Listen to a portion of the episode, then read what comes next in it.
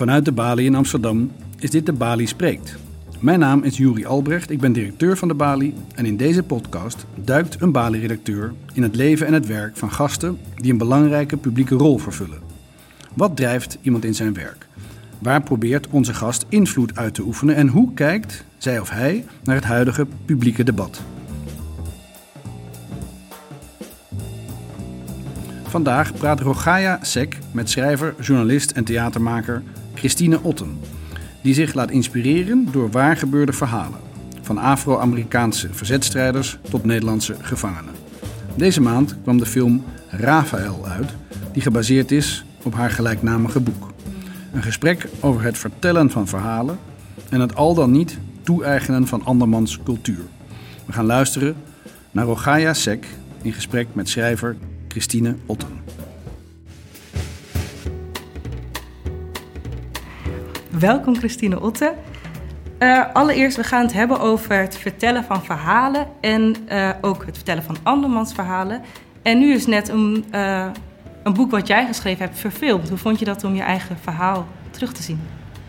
Nou, spannend, maar het is niet een strikte boekverfilming, moet ik even bij zeggen. Het is boek en film. Want uiteindelijk was het een soort samenwerking met de filmmaatschappij. Dat, ik schreef het boek gebaseerd op Ja. het waargebeurd verhaal van twee jonge mensen die eh, verliefd worden en getrouwd, kinderen. En eh, omdat de een in Tunesië eh, zit, de ander in Nederland, niet bij elkaar mogen zijn. Want dat Mhm. speelt dan ten tijde van de Arabische lente. Dus het gaat, Ja. ook, gaat gewoon ook over vluchtelingenproblematiek.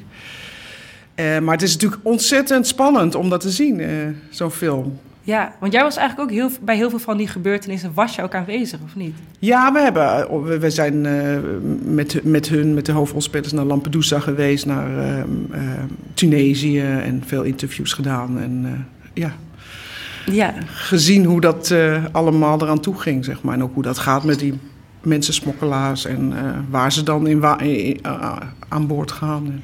ja, ik ben er gisteren zelf ook heen geweest en ik vond het wel heftig. De film, Dus- Ja, heel heftig. Heftig, ja, aangrijpend, hè? Ja, was Ja. wel... eh, voor je lol op die zondagmiddag moet je er zeg maar niet heen met de familie, denk ik. Nou, maar... Of juist wel. Ja, toch? Het is, eh, het, is, het is ook gewoon een spannende film, laten we wel wezen. Ja, Alleen het is natuurlijk wel dat je je realiseert dat het echt is.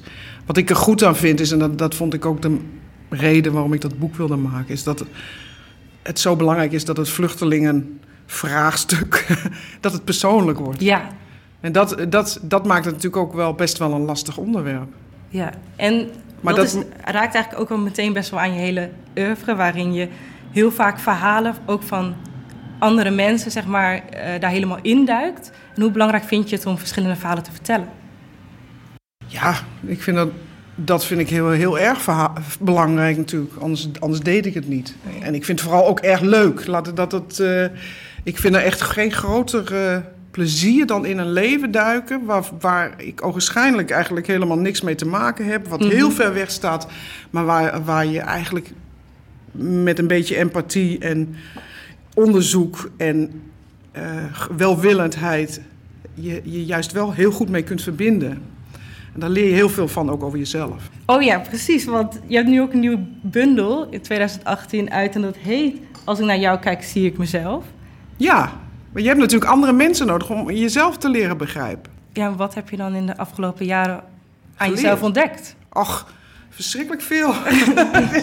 Toen ik zeg maar, begon zeg maar, met, met dat ik naar eh, eh, Amerika reisde om over de Last Poets, de Ja. laatste dichters te schrijven. Dat was, ja, ik was eigenlijk best wel bleu in die tijd. En al was ik al 40, maar ik was natuurlijk... A, ik was opgegroeid in een witte wereld. Mhm. Hè, dat, eh, dus ik kwam ineens in een Afro-Amerikaanse wereld terecht. Ja, Ik maakte 9-11 daarmee, dus dat ging ook met een letterlijke bam, kun je zeggen. ja, toevallig was je overal bij. Ja, toevallig was ik daar net. Maar ehm, ja, ehm, ik heb ontzettend veel geleerd. Ik was, ik, ik, ik, ik, ik- over mezelf. Van, van, ik had heel veel herkenning met bijvoorbeeld de hoofdpersoon, met Uma bin Hassan. Dat was, ik ging daar eigenlijk helemaal niet heen van, om een boek over zwarte mannen te schrijven, maar Ja. over mannen, over die mannen. Ja, Die gewoon hele mooie kunst maakten en die een interessant verhaal hadden. Zo begon het, journalistiek. Oh, interessant. Godfathers van hip-hop, jaren 60, revolutie, interessant. Dus ik ging daarheen en ik ontmoette hen. En het was gewoon heel bizar, want ik had gewoon het gevoel dat ik thuis kwam. Daar in Harlem. Alsof ik ze al kende. En dat was gek genoeg ook nog wederzijds. En waar dacht je dan dat dat aan lag? Want je bent zelf uit de, in Deventer uh, opgegroeid, opgegroeid of alleen geboren? In Deventer, ja. En uh, wat herkende je dan van die mannen aan de nou, andere kant van de wereld? Ja, nou ja, eh, met Oema had ik gewoon een klik van... we kwamen allebei uit een gezin met een, een vader die psychiatrisch patiënt eigenlijk was. Dus allebei hadden we dezelfde soort gekwetstheid gekend als kind. Als je opgroeit met dysfunctionele ouders, dan ontwikkel je eigenlijk een soort overlevingsstrategie. Die, dat je aan de ene kant heel voorlijk bent, en dan, maar, maar van binnen eigenlijk heel. Ja, een baby zeg ik het bij, maar bijna, weet je wel. En, en, en, je moet dingen doen waar je eigenlijk nog niet voor. Ja, niet groot genoeg voor bent, zeg maar. En, en, en, Oema had op zijn uh, elfde uh, zich voorgenomen zijn vader te vermoorden, omdat hij zijn moeder mishandelt. Nou, als je zoiets doet, is gewoon heel schadelijk voor je zelfbeeld uiteindelijk. Voor, voor, voor wat je als kind, voor je ontwikkeling. Ja. Ik heb nooit mijn vader geprobeerd te vermoorden, maar ik probeerde hem zelfs te redden, waar je natuurlijk helemaal niet kunt. Mijn vader had een angststoornis. Maar ik weet wel dat hij op, op, toen ik 15 was, toen kwam hij bijvoorbeeld thuis uit de inrichting. En hij zei van, ik wil daar niet meer zijn, ik hou dat niet vol. Maar iedereen zou zeggen, ja, dat snap ik, kom maar thuis. Maar en als een soort reflex, als zelfbescherming, zei ik, nee, dat kan niet. Want het was gewoon een hel om te leven met zo'n zwaar depressieve, angstig ja, als iemand. Ja, en, dat, en dat, dat is, dat, het rare was dat dat volgens mij de klik was die ik met Uma had. Maar voor, toen je hem ontmoette, toen kende je dit verhaal van hem nog niet? Nee, dat, maar dat je toch Nee, maar wel een soort familie. Ik, ik, ik, ik, had wel veel gelezen over die familie. En ik vond hem, weet je, ik, vond het meer, ik zag het meer van een afstand. Een soort zwarte catcher in the rye, weet je wel. Zo verkoopt zijn pick-up van zijn uh, zuster. En die gaat naar New York om dichter te mhm. worden. En uh, nou ja, dus ik zag er wel een verhaal in, maar nooit geen roman. Maar dat, ik denk dat dat een soort klik was dat je ik kom ook uit een milieu van uh, links milieu eigenlijk. Van, van, van, mijn voorouders waren anarchisten en communisten en weet ik wat, worstelaars, acrobaat. Dat soort dingen. Dus ja, dat, dat hele uh, concept van opstandigheid, rebelsheid, is, is, het zit in mijn DNA. Dus het, het dus eigenlijk die verschillende werelden... Die waren, die helemaal, waren helemaal, Nee, ik denk dat ik meer met hun gemeen had dan met menigeen hier. Ja, want ik heb... Uh, want nu is er, een, is er een discussie over culturele toe-eigening. Waarin jij dan ook volgens mij best vaak bent aangevallen of niet? Nee, valt ben, nou dat, dat valt echt wel mee. Omdat ik natuurlijk gewoon... Kijk, de Last Poets, die zijn blij met het boek. En die zeggen ook, she's, our, she's white, she's Dutch, but she's our white Dutch girl. She's family. Oh, ja, misschien nog even belangrijk voor de luisteraars... om uit te leggen wat culturele toe-eigening uh, is... of wat daarmee bedoeld wordt. Een beetje dat je eigenlijk niet uh, een andere cultuur kan toe-eigenen zoals je daarover zou schrijven. Zoals jij doet uit het perspectief van uh, de zwarte Afro-Amerikaan. Dat, dat je dat eigenlijk niet mag doen als. Nou ja, dat, dat, is, dat is de discussie. Kan je dat doen? En wat ik, mijn reactie van zwarte mensen is. Je kan het wel doen, maar je moet het goed doen. Het is eigenlijk het verschil tussen hele goede schrijvers en slechte schrijvers. Want als je het slecht doet, uh, dan snap je dan. Zie je dat ook wel eens om je heen? Nu een voorbeeld van dat je denkt van ja, dat is nou culturele nou toe-eigening waar ik zelf een probleem mee heb. Ja, maar dat is natuurlijk in de loop van de geschiedenis heel vaak gebeurd. Dat zwarte mensen altijd figureerden in, in allerlei toneelstukken of mhm. films of boeken. Weet je wel, dat het... Dat is natuurlijk... Het is niet voor niks dat, dat die woede opspeelt. Ja. Ik begrijp dat ook. Alleen als je... Kijk, ik, bij mij is het in de, allereerst nooit begonnen van... Ik ga, over, ik ga eens nu eens leuk over zwarte mensen schrijven. Ik heb er echt gewoon snap je, me ondergedompeld in. Het begon met vriendschap, het begon met willen begrijpen. En dan denk ik dat je heel ver kunt komen als je uh, de juiste intenties hebt en als je vrij nederig bent. Maar ik vind dat je als schrijver die over andere mensen schrijft, altijd nederig moet zijn. Want jij, als jij heel open moet je staan en, en, en empathisch zijn en willen leren, willen veranderen vooral. Hoe zorg je eigenlijk voor dat je je... Is het ook dat je jezelf een soort van klein moet maken als je nee, niet, Nee, juist niet. Nee, niet klein, maar...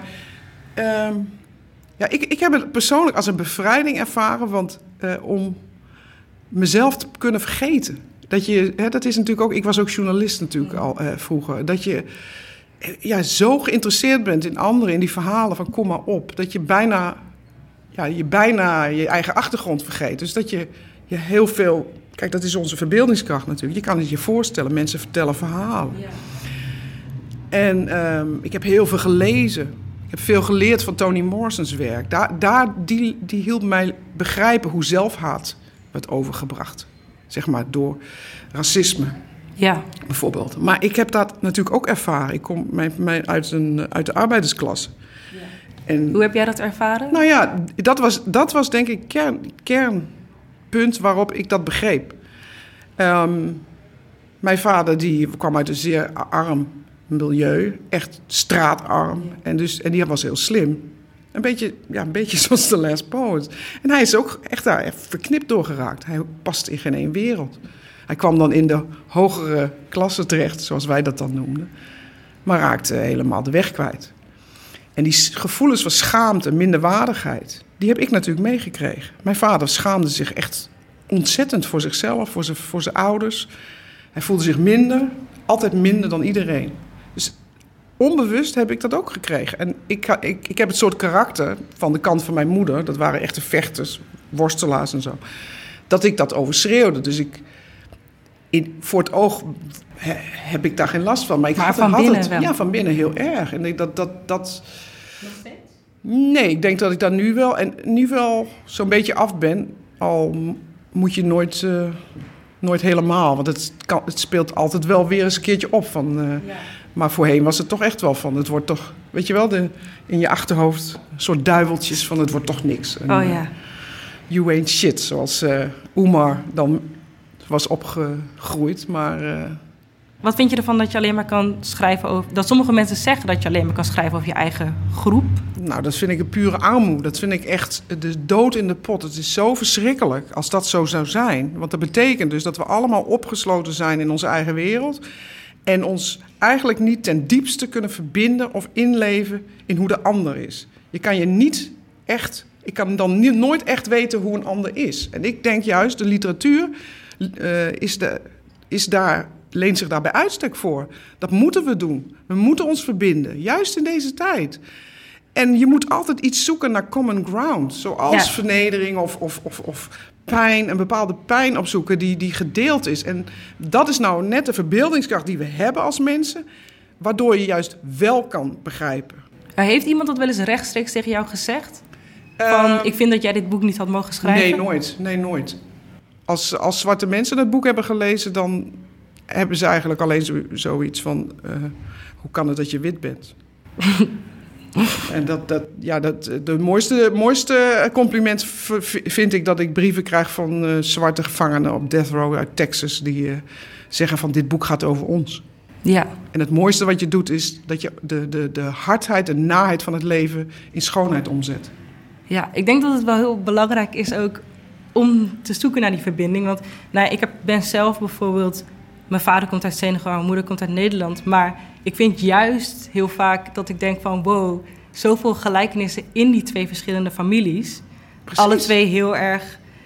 Mijn ouders die hebben alle twee een, een heel erg een familie waarin, je, waar iedereen altijd welkom is. En misschien soms een beetje chaotisch aan toe gaat en zo. Maar, en dan denk ik van die twee families lijken dan ook wel weer soms meer op elkaar dan Ja, precies. misschien twee gezinnen die naast elkaar wonen. Zo is het. En zo kwam de zus van Oemar bin Hassan, die een hekel had aan witte mensen. Wij waren meteen vriendinnen geworden. Ze kwam naar Nederland, ze kwam bij ons, ze ontmoette mijn moeder, ontdekte dat haar moeder op mijn moeder lijkt. Dat Ja. onze families eigenlijk eh, heel vergelijkbare achtergronden hebben. En dat heeft haar wereldbeeld veranderd. En mijn wereldbeeld is natuurlijk ook compleet veranderd. Want mm, waar ik vroeger, eh, zeg maar, Ja, eh, alleen maar in een wi- witte wereld leefde en de zwarte mensen eigenlijk niet zag. Hè, dat, dat, je zag de zwarte Nou ja, mensen dat- niet. je, je ziet ze wel, maar dat je ook.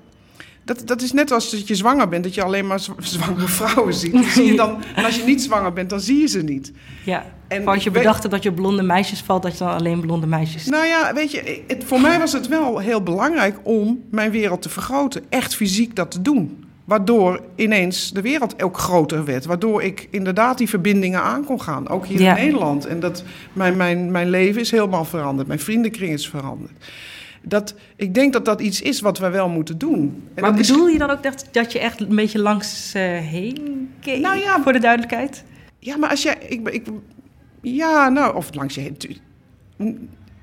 maar dat je echt oogt, echt, echt zien. Je ziet mensen wel, maar echt zien. En echt uh, verdiept en echt in uh, belangstelling hebt voor elkaar en voor elkaars achtergronden. En, en je daarin geïnteresseerd bent en het leuk vindt. Want het is natuurlijk gewoon niks leukers dan dat je wel al die werelden leert kennen en, en een rijkdom. Mhm. Dat je eigen, eigen leven wordt daar ook rijker van. En jij doet dat dan als schrijver, maar heb je misschien ook manieren hoe je dat dan niet, als je niet in je achterhoofd aan een roman aan het schrijven bent, ervoor kan zorgen dat je in een beetje meer verdiept in andermans wereld? Ja, natuurlijk. Dat kan alleen al door als je bijvoorbeeld hier in Amsterdam, als je in je buurt of in de, in de provincie, in je buurt, zoek elkaar op. je, zoals in West ben ik wel op feesten geweest met vluchtelingen bijvoorbeeld, met Eritrese vluchtelingen. En we spraken geen woord de taal. Niemand, we kennen elkaars taal niet, maar we gingen dansen, weet je wel. Dat, dat klinkt heel cliché. Maar ja, zoek elkaar op. Ja. ja wees niet bang. En uh, gaat aan. En het is natuurlijk, natuurlijk, natuurlijk eng. En al die, al die, die, die verzet van en ook mensen met die zwarte piet en zo. Dat is natuurlijk gewoon angst voor verandering. Angst voor dat het niet meer zo is. Ja. Dat de wereld verandert. En die wereld verandert toch wel. Maar doe maar mee. Beter toch? Je wereld wordt er leuker van. Ja, nou, dankjewel voor deze wijze adviezen nog. uh, dankjewel Christine Otte voor dit uh, mooie gesprek. Graag gedaan.